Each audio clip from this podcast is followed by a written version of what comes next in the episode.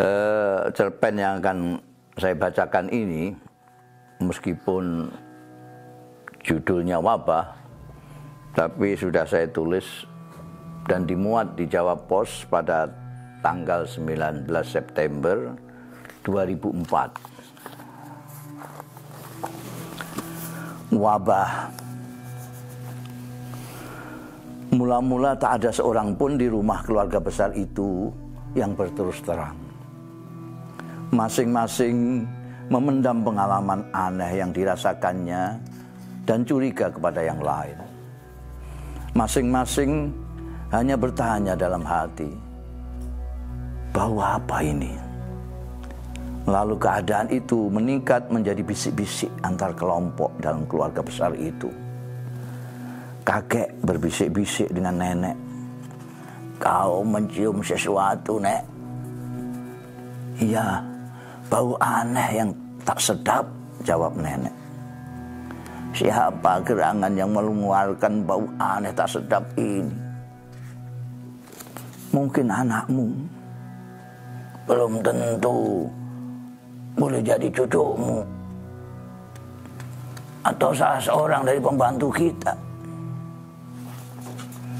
Ayah berbisik-bisik dengan ibu.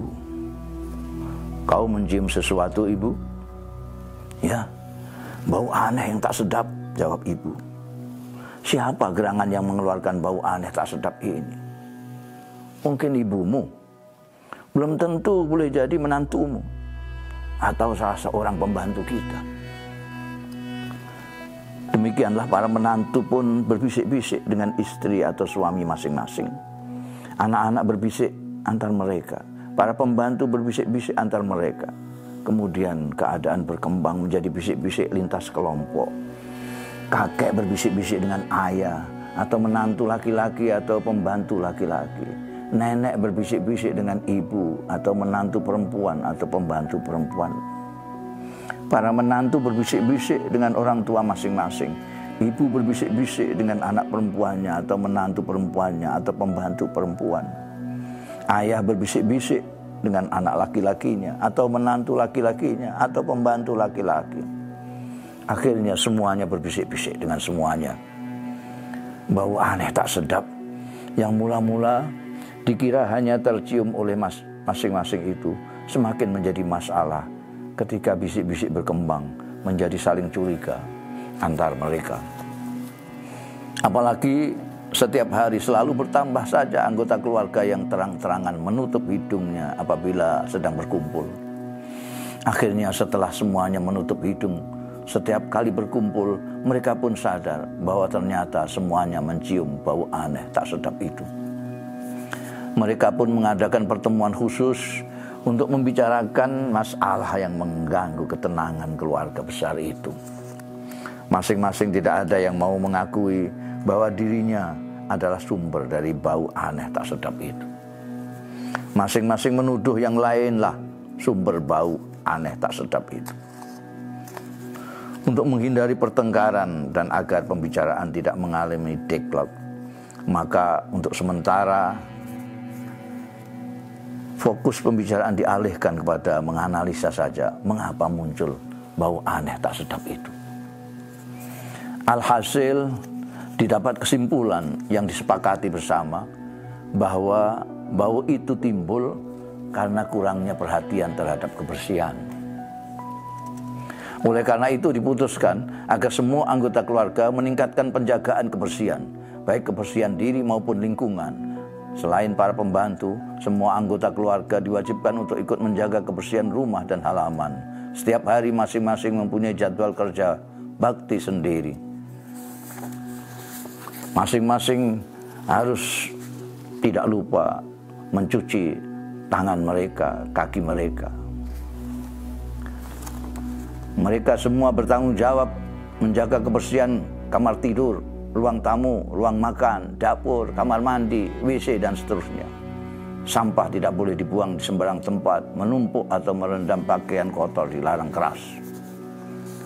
Juga disepakati untuk membangun beberapa kamar mandi baru Tujuannya agar tak ada seorang pun anggota keluarga yang tidak mandi dengan alasan malas. Siapa tahu bau itu muncul justru dari mereka yang malas mandi. Di samping itu semua anggota keluarga diharuskan memakai parfum dan menyemprot kamarnya masing-masing dengan semprotan anti hama dan penyedap ruangan. Semua benda dan bahan makanan yang menimbulkan bau seperti terasi, ikan asin, jengkol dan sebagainya dilarang dikonsumsi dan tidak boleh ada dalam rumah setiap jengkal tanah yang dapat ditanami, ditanami bunga-bunga yang berbau wangi. Ketika kemudian segala upaya itu ternyata tidak membuahkan hasil, dan justru bau aneh tak sedap itu semakin menyengat, maka mereka menyepakati untuk beramai-ramai memeriksakan diri. Jangan-jangan ada seseorang atau bahkan beberapa orang di antara mereka yang mengidap sesuatu penyakit.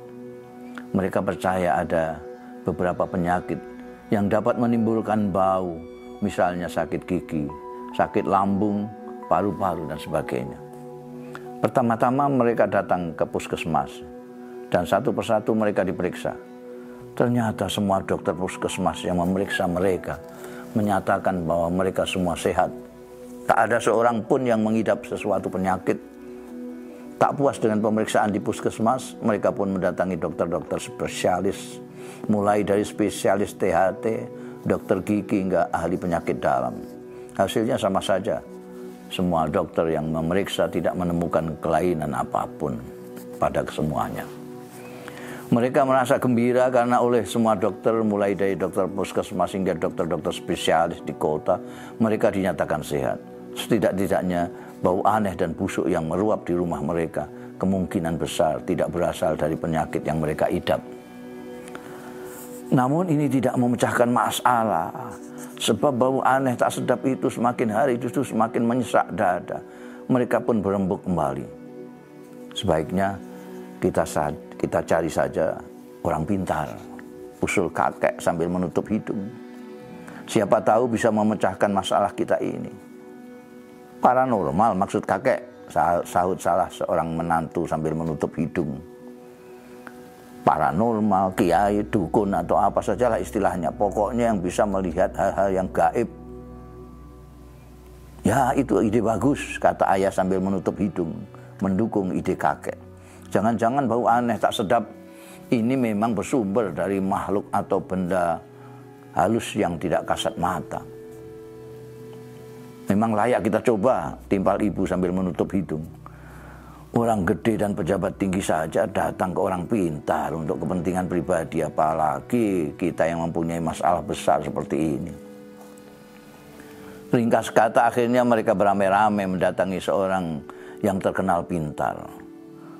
Orang pintar itu mempunyai banyak panggilan.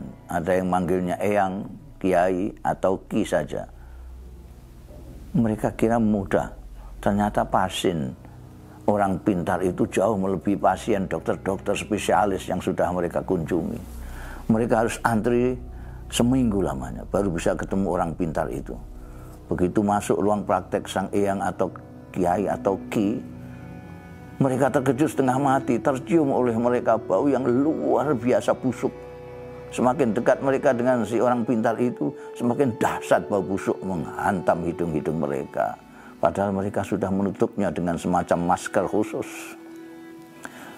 Beberapa di antara mereka sudah ada yang benar-benar pingsan. Mereka pun balik kanan, mengurungkan niat untuk berkonsultasi dengan dukun yang ternyata lebih busuk baunya daripada mereka. Keluar dari ruang praktik mereka baru menyadari bahwa semua pasien yang menunggu giliran ternyata memakai masker. Juga ketika mereka keluar dari rumah sang dukun, mereka baru ngah bahwa semua orang yang mereka jumpai di jalan ternyata semuanya memakai masker. Mungkin karena beberapa hari ini seluruh perhatian mereka tersita oleh problem bau di rumah tangga mereka sendiri. Mereka tidak sempat memperhatikan dunia di luar mereka. Maka ketika mereka sudah hampir putus asa dalam usaha mencari pemecahan problem tersebut, baru mereka kembali membaca koran, melihat TV, dan mendengarkan radio seperti kebiasaan mereka yang sudah-sudah dan mereka pun tercengang dari siaran TV yang mereka saksikan, koran-koran yang mereka baca, dan radio yang mereka dengarkan. Mereka menjadi tahu bahwa bau aneh tak sedap yang semakin hari semakin menyengat itu ternyata sudah mewabah di negerinya. Wabah bau yang tak jelas sumber asalnya itu menjadi pembicaraan nasional, apalagi setelah korban berjatuhan setiap hari dan jumlahnya terus meningkat. Ulasan-ulasan cerdik pandai dari berbagai kalangan ditayangkan di semua saluran TV, diudarakan melalui radio-radio dan memenuhi kolom-kolom koran serta majalah. Bau aneh tak sedap itu disoroti dari berbagai sudut oleh berbagai pakar, berbagai disiplin, para ahli kedokteran, ulama, aktivis LSM, pembela HAM, paranormal, budayawan, hingga politisi menyampaikan pendapatnya dari sudut pandang masing-masing. Mereka semua seperti halnya keluarga besar kita, mencurigai banyak pihak sebagai sumber bau aneh tak sedap itu. Tapi seperti keluarga besar kita, tak ada seorang pun di antara mereka yang mencurigai diri mereka sendiri. Hingga cerita ini ditulis, misteri wabah bau aneh tak sedap itu belum terpecahkan. Namun tampaknya sudah tidak merisaukan warga negeri lagi karena mereka semua sudah menjadi kebal, imun, bahkan masker penutup hidung pun mereka tak memerlukannya lagi. Jawa Pos 19 September 2004